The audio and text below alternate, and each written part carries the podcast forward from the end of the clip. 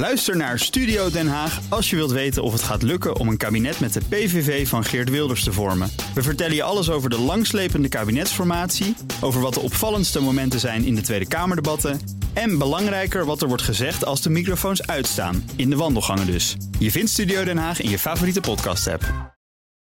Economenpanel. In het nieuwe pensioenstelsel wordt beleggen met geleend geld makkelijker als dat nieuwe pensioenstelsel er ooit komt. En het Baselcomité stelt voor dat banken meer kapitaal in kas houden om crisis het hoofd te bieden. Dat en meer bespreek ik in het Economenpanel met Wiemer Bolhuis, directeur strategische analyses en beleid bij TNO, en Lucas Daalder, chief investment strategist bij BlackRock. Welkom heren. Goeie. We beginnen dit panel in Brussel, want daar is een eh, klassieke discussie begonnen. De onderhandelingen over de begrotingsregels. En die lopen nog niet zo soepel als de Europese Commissie wellicht had gehoopt. Met name Duitsland ligt dwars. Lucas, is er sprake van een uh, traditionele tegenstelling tussen Noord en Zuid? Uh, nou, niet helemaal traditioneel. Uh, volgens mij had je vroeger iets meer echt een duidelijk noordelijk blok. En nu is het wat meer Duitsland, heb ik het gevoel. Uh, maar de tegenstelling is uh, onderliggend natuurlijk nog steeds dezelfde. Ja, uh, er is een, een, deel van de Europese Unie die vindt dat het wat zuiniger moet, dat er vaste regels moeten zijn, dat we moeten streven naar een zo laag mogelijke schuld. En er is een deel die dat misschien ook wel in gedachten heeft, maar in elk geval niet nastreeft. Dus die het op papier misschien wel wil onderschrijven, maar in de praktijk nooit echt uh, tot ten uitvoer brengt. Want voor de goede orde, die vaste regels, die zijn er. Ja, die zijn er. Dus, dus de regels zijn op zich, nou ja, de, de oude regels waren wat mij betreft niet nieuw. Die worden op dit moment heel erg mooi. Uh, worden die neergezet als te zijn te ingewikkeld. En dan wordt er verwezen naar allemaal sub, subregeltjes die inderdaad wat ingewikkeld overkomen. Maar de regel was natuurlijk uh, 3% begrotingsnorm, 60% schuldnorm. En die waren er altijd. En het is dan wel interessant om te zien. Uh, als je 2007 als, als startjaar neemt, dan hadden Frankrijk en Duitsland hadden alle twee een schuldpercentage van 64 procent. Uh, als je nu kijkt, in Duitsland staat hij dit jaar op 67 procent. In Frankrijk is dat gestegen tot 113 procent. Zo. Ja, en dan is Frankrijk nog niet eens de, de, de piek naar beneden, zeg maar. Want je kunt ook nog Italië en Griekenland ja, in die vergelijking ja, nee, meenemen. Ik, dacht, ik, ik, ik, kijk alleen, ik kijk alleen even naar de echte kernlanden. Dus Frankrijk, kijk, die divergentie die is natuurlijk funest, zou ik zeggen. Maar als je dit soort percentages hoort, Wiemar, dan kun je het wel hebben over regels en over 60% en 3%. Maar heeft dat dan nog zin als je uh, toestaat dat landen daar zo ver van afwijken? Nou, dat is inderdaad nu de discussie. Hè? Dus uh, inderdaad, als je in de muntunie zit, heb je begrotingsregels nodig. Want eigenlijk sta je voor elkaar garant. Dus je wil niet dat een land uh, zijn schuld uit de hand laat, uh, lopen. Daar stellen we met z'n allen regels voor. En dat zit nu ook wel, hè? zit nu ook wel in het nieuwe voorstellen. Dus er wordt nu gezegd in het nieuwe voorstellen van nou, je mag door ongeveer vier jaar met wat uitzonderingen, als je een goed idee hebt, zeven jaar over doen om op een, uh, op een ander schuldpad uh, te komen. Dus landen mogen ook zelf met voorstellen komen hoe ze dat, uh, hoe ze dat willen gaan invullen, welke maatregelen ze willen nemen. Het idee is natuurlijk dan om, um, om draagvlak te krijgen bij die landen zelf, dat het meer gedragen wordt. Hè? Dat is idee, want er is kritiek op de, op de noem het even nu voor de oude begrotingsregels, de huidige begrotingsregels, dat toch misschien, misschien iets te top-down is en te veel straffen. Voor, ho ho hoewel het eigenlijk nog helemaal niet gebeurt. Hè? Het is nee. de straf uitgedeeld. Maar het idee is, Brussel bepaalt van boven wat, wat regels zijn. Dus er is nu van, we geven de lidstaat iets meer ruimte om het zelf uh, in te vullen. Het leidt tot draagvlak. Maar er staat dan wel tegenover dat je automatisch straffen zou kunnen krijgen, boetes zou kunnen krijgen. Dus je ziet in een stuk eigenlijk twee dingen waarmee gespeeld wordt door de Europese Commissie. Namelijk ten eerste weer een uh, financiële boete, maar dat een lagere zoals nu is, hè, maar dan een kleinere die automatisch zou moeten worden opgelegd op het moment dat je niet aan je eigen plan voldoet. En ten tweede, ja, reputatiestraffen. Ja, dus dat de minister ja. van, van Financiën of, of een andere regeringsleider, uh, leider van de regering in het Europese parlement moet uitleggen waarom je toch niet uh, voldoet aan de, ja, aan de begrotingsregels. Ja, ik zie hier twee leden van het economenpanel toch met uh, glimlach op de lippen. Ja. Jullie nemen met name die reputatiesanctie nog niet zo serieus? Nou ja, nee, ja, uiteraard niet. En die anderen misschien ook wel niet? Nee, ja, ook niet. Nee. Nou ja, kijk, de, de, de ervaring leert in elk geval dat het totaal niet uh, gewerkt heeft. En dan kan je zeggen, van, ja, dat kwam omdat het van bovenaf was opgelegd. Maar ja, goed, zelfs als je nu de vrijheid bij een land legt van, god, we, we, we, we hebben een plan er komt een crisis langs, want op een manier komen altijd crisissen langs. En opeens heb je weer een argument dat je zegt: ja, wist ik wel dat de corona zou komen. Dus nu mag ik weer afwijken. Ja, maar het feit dat er nu meer ruimte is om een eigen plan op te stellen, is volgens mij ook indirect het gevolg van een crisis. Want ja. zo werkte het ook bij dat corona-herstelfonds. Als ja. jij een goed plan hebt, dan kunnen wij daar geld aan toekennen. Ja. En blijkbaar werkt dat zo goed dat nu de gedachte is: dat gaan we nog een keer doen. Ja, nou, dat, dat, nogmaals, de upsides, dus de, de, de, de uh, laten, uh, loslaten van de teugels, dat is duidelijk. Maar of er ook aan de andere kant zeg maar, het strenger worden of daar iets gaat gebeuren, dat is toch gewoon een heel Dat, dat loslaten van de teugels, is dat überhaupt een goed idee? Nou, nee, kijk, ik zou zeggen van niet. Wat ik net schetste van Frankrijk en Duitsland, die divergentie is uiteindelijk funest voor het systeem. Je kan best een discussie hebben over hoe uh, strak de teugels moeten zijn. Hè? Dus wat voor schuldpercentage je als geheel zou willen hebben. Maar met name dat divergeren, dat iedereen, elk land zijn eigen. Uh, nou, oké, maar wie maar zegt hier: vier jaar, zeven jaar krijg je de tijd om orde op zaak te stellen, om een nieuwe horizon vast te stellen, om op het goede schuldpad te komen. Ja. Ja, denk jij dat dat met Italië gaat lukken? Ja, kom op. je, ziet, je moet het even aan wie maar vragen. Je ziet, je ziet natuurlijk in deze regels van de ene kant... oké, de nieuwe regels hebben als voorstel inderdaad... van het zou meer vanuit de lidstaat zelf moeten komen. Dus meer draagvlak. Andere, het zou meer toegesneden moeten zijn... op de individuele situatie van een lidstaat. Dat zie je dat het erin zit. En dit zijn helemaal upsides. Hè. Die wel. En de andere zou er moeten zijn... als je vier jaar of met wat uitzondering zeven jaar mag doen... om op, je, eh, op, een, op het eh, pad uit te komen... dan hoef je niet in een conjunctuur die slecht is te gaan bezuinigen. Dus er wordt, er wordt daar wat ruimte... Uh, uh, geschapen. Het grote probleem of uitdaging is natuurlijk gewoon dat, de Europese, dat deze Europese begrotingsregels wordt niet door een onafhankelijk instituut getoetst. Of lidstaat zich te gaan aan uh, voldoen. Hè? En er worden ook niet in die zin door zo'n instituut dan boetes uitgedeeld. Als die er zouden zijn, staan in de wet. Dus in die zin is natuurlijk de, de toezicht hierop... is in die zin door de Europese Commissie... en ook een, een politiek besluit met elkaar. Ja, daar zie je meteen dat dat natuurlijk gaat. Dus er moet een, een, een, instituut bij komen, een toezichthouder bij komen. Nou, wat heel interessant is. Nou, is je mag het wel even heel serieus aanhoren. Nou, wat heel interessant is, dat in de, in de. Kijk, het is, het is interessant dat de Europese Commissie zegt sinds de vorige financiële crisis dat de lidstaten allemaal een onafhankelijk begrotingsinstituut moeten hebben. Zoals Nederland Centraal Planbureau heeft en de Raad van State het ook is. En dat wordt in Europa in de lidstaten ook doorgevoerd. Het, het, is natuurlijk wel opmerkelijk dat de eigen begrotingsregels, dat die niet door een, in die zin door een onafhankelijk uh, uh, instituut worden die getoetst, maar ook sancties toegepast. Dat is natuurlijk wel opvallend. Hè? Lucas? Nou, nee, kijk, wat mij gewoon opvalt is dat, dat je bij deze crisis weer heel duidelijk zag wat het verschil is tussen mensen die zich wel aan de regels hebben gehouden en degenen die het niet hebben gedaan. Uh, kijk, als je keurig aan de regels had gehouden, dan had je gewoon nog steeds een staatsschuld van 60% of minder. Uh, en dan komt zo'n dreun, nou, dan kan je het wel opvangen. En vervolgens krijg je kritiek van de rest dat je een reddingspakket optuigt wat te genereus is. Dat andere landen dat niet kunnen. Dat dat uh, valse concurrentie zou zijn. Kijk, als iedereen zich nou een beetje aan die regels had gehouden, dan hadden we allemaal ongeveer hetzelfde uitgangspunt. Ja, is het voor iedereen even makkelijk om zich aan de regels te houden? Want op een gegeven moment heb je natuurlijk gewoon een grote schuld, zoals Italië. En dan kun je, dan kun je niet eens uh, zo'n steunpakket optuigen als nee, Duitsland heeft gedaan. Maar daarom had ik ook expres het voorbeeld uh, Frankrijk en Duitsland genoemd. Want kijk, Frankrijk is een typisch een voorbeeld van een land wat een gelijk standpunt had, een gelijk uitgangspunt had. En vervolgens toch in, nou, laten we zeggen, 15 jaar tijd die hele uh, voortgang die ze had, of de, de, de, goede positie die ze had, hebben ze te gelden gegooid. En dat vind ik echt een groot probleem. Ik, ik, wil graag nog even terugkomen op een interview dat het FD had met een Franse eurocommissaris Breton voor de interne markt. En die had het over onder andere de NAVO-norm. Als Europese landen zich hadden gehouden aan de NAVO-norm om 2% van het bruto binnenlands product uit te geven aan defensie, was hier de afgelopen 20 jaar 1300 miljard euro extra naartoe gegaan. Dat was gezien de oorlog in Oekraïne wel handig geweest. Van het investeringsgat komt 54% voor rekening van Duitsland, Nederland, Oostenrijk, Zweden en Denemarken. Ik vat het maar even samen. Je kunt wel heel erg wijzen naar landen met een enorme schuld. Maar als jij daar willens en wetens voor kiest om belangrijke zaken, zoals defensie, te laten versloffen. dan hoef je ook niet zo trots te zijn op jouw relatief lage schuld.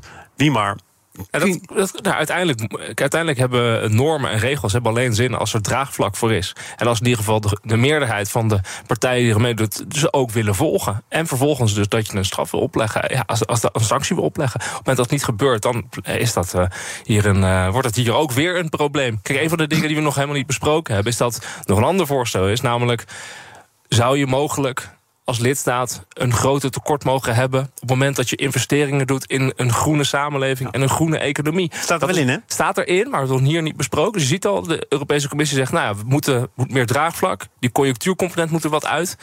We gaan ook structureel kijken. We willen naar een groene economie. Misschien moeten lidstaten ruimte krijgen om daarin te investeren. Ja, maar dan hoor je toch al dat er niet meer wordt gehandhaafd? Nou, dit, is, dit is natuurlijk echt heel lastig. In theorie is dit natuurlijk mooi. In de praktijk, ja, wie gaat bepalen wat een groene investering is? Wie gaat daarop handhaven? Dit wordt natuurlijk, uh, ja, lidstaten gaan natuurlijk gebruik van maken om hier, uh, hier onderuit te komen met een goed verhaal. Dus dat is hier wel lastig.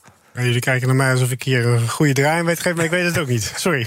Maar het faciliteren van uitzonderingen voor defensie, voor klimaat, is dat meteen toch ook weer. Uh, maar dat was natuurlijk proberen met die regels zo soepel mogelijk om te gaan? A, dat één, dat is de eerste. Twee, het was natuurlijk de voorbeelden die, waar Frankrijk net dan wel aan de goede kant kwam. de getallen die genoemd worden, die zullen vast kloppen. Maar er zijn natuurlijk ook landen waarbij heel duidelijk wel de NAVO-norm is gehaald en waar wel geïnvesteerd is in groen.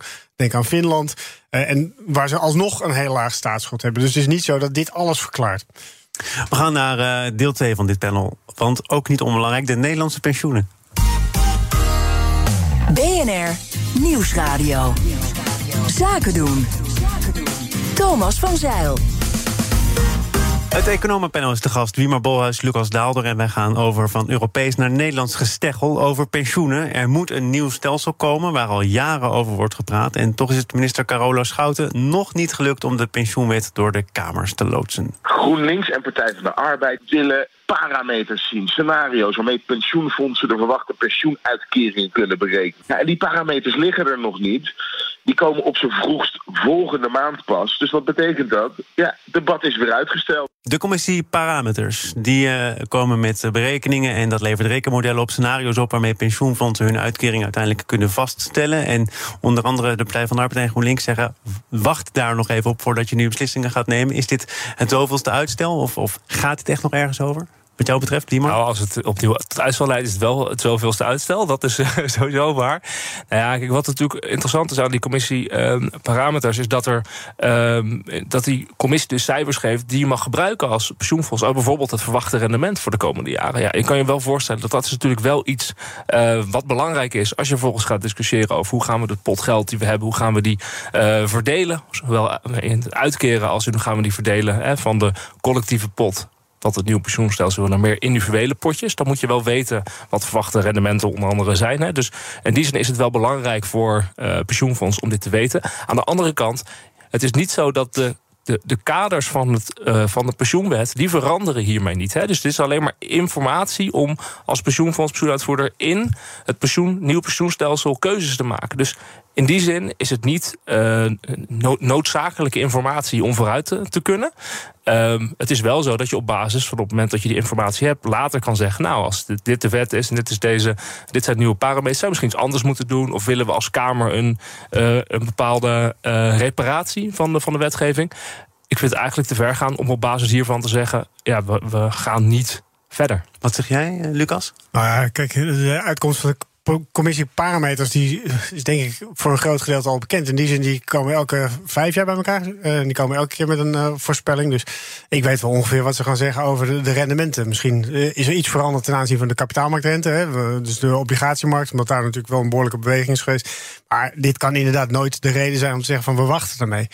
Het is wel zo dat er naast die, uh, zeg maar de, de rendementsverwachtingen ook de scenario's worden gepresenteerd. En die worden dan weer gebruikt om in dat risicoscenario's te berekenen. Ja, het is allemaal, ik ben het wel helemaal eens. Het zijn allemaal valide argumenten. Maar het is niet dat je hier zegt van hier, daarom moeten we ermee stoppen. Er is hier natuurlijk meer dan tien jaar over gepraat. Hier is eindeloos over gesteggeld, geschaafd en gedaan.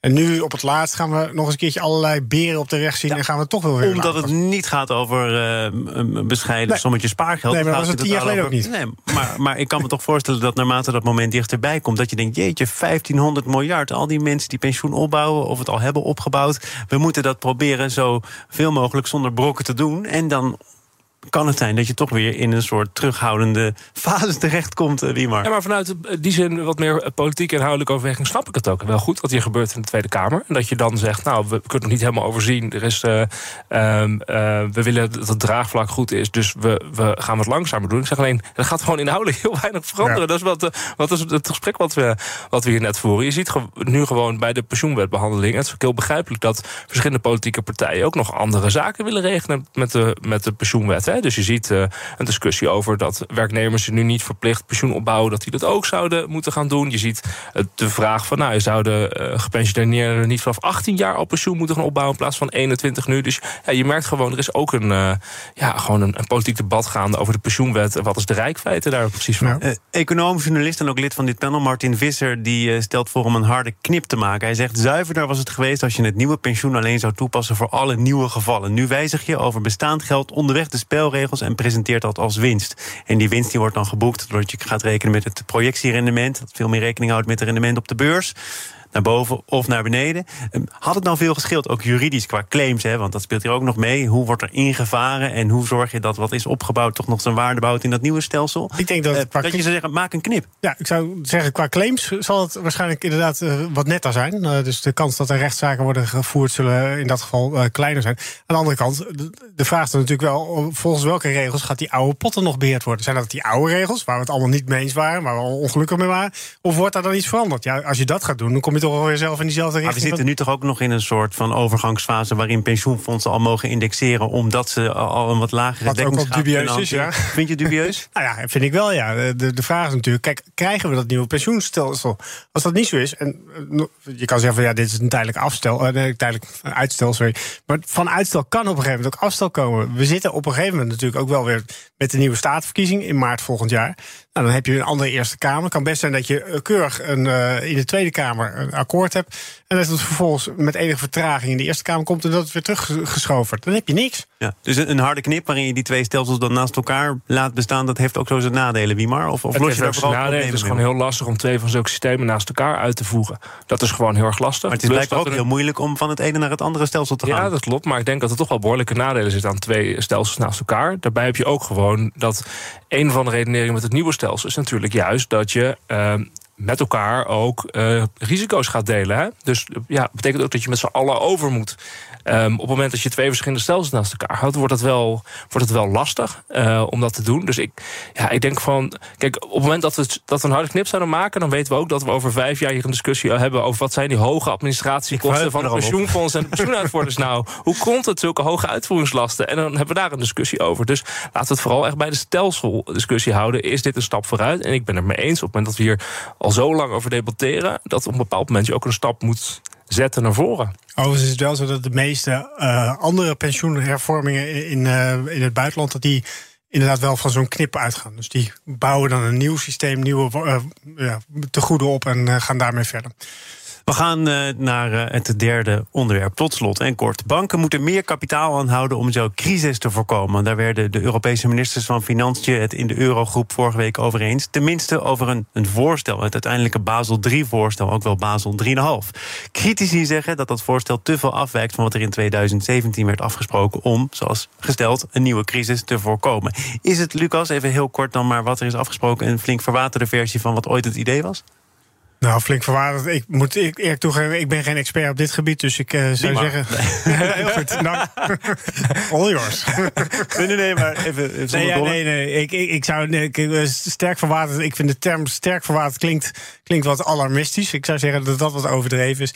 Uh, het is verwaterd, klopt. Uh, ja, en ik, ja, ik vind het wel moeilijk om in te schatten in hoeverre dit te ver verwaterd is, of dat het eigenlijk wel gewoon de ruimte uh, creëert die, die nodig is. Ja, en de ruimte die gecreëerd eh, wordt, heeft er ook mee te maken met uh, het berekenen van je buffers en hoe je dat dan doet. Of je je interne modellen daarop na mag slaan. Overigens wel modellen die zijn toegekeurd door de toezichthouder, of goedgekeurd door de toezichthouder. Of dat je zegt, nee, dat moeten we toch centraal aan banken gaan opleggen. Waar sta jij in die discussie, Wiemar? Nou, het is wel handig om op het moment dat je moet berekenen wat voor buffers je aan moet houden, dat je dan rekening houdt met uh, risico's, dat je een waardering in doet. Dus dat je daar zeker een model voor hebt. Uh, hier zit er een, een, voorstel in om ook gewoon een soort vast bedrag uh, aan buffer vast te houden, onafhankelijk van de kapitaalvloer. 15 Een kapitaalvloer. Nou, daar is nu wat, wat discussie over. Kapitaalvloer is natuurlijk in die zin wel wat simpel. Dus je zou kunnen zeggen, misschien is zo'n risicogewogen model wel goed. Maar kijk, wat je vooral ziet, en ik ben het hier uh, helemaal eens. Wat je vooral ziet is dat je uh, merkt dat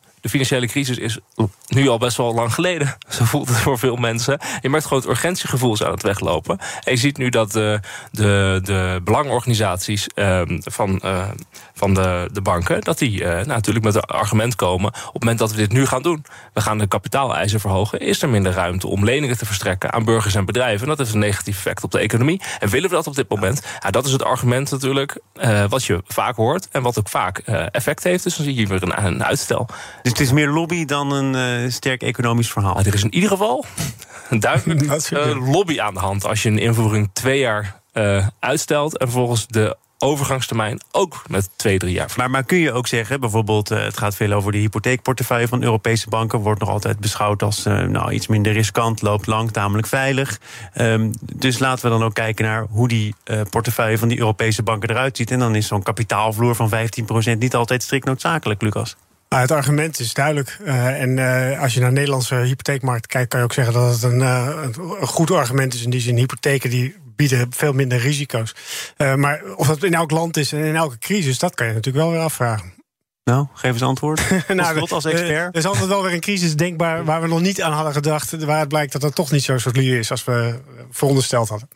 En het is ook goed om uh, even te benoemen dat bij de, het, uh, het, bedenken van deze regels. toen is er al rekening gehouden met uh, inderdaad. Wat, is het, wat zijn de risico's van de, van de Europese banken ten opzichte van ja, andere blokken, Amerika en dergelijke. Dus er is al een soort uh, een uh, differentiatie. differentiatie. toegepast.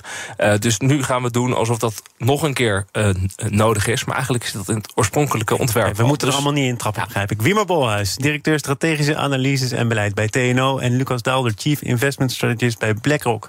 Dank voor jullie bijdrage aan dit economenpanel. Het is voorbijgevlogen. En over vijf jaar nieuwe discussies over dezelfde onderwerpen. Pensioenen. Zometeen tijd voor de Oekraïne-update. Ook Hugo Reitsma vind je in de BNR-app. Superhandig die BNR-app. Je kunt alle programma's live luisteren, breaking nieuwsmeldingen. Je blijft op de hoogte van het laatste zakelijke nieuws. En je vindt er alle BNR-podcasts, waaronder natuurlijk de belangrijkste, Boeken zijn in de wijk. Download nu de gratis BNR-app en blijf scherp.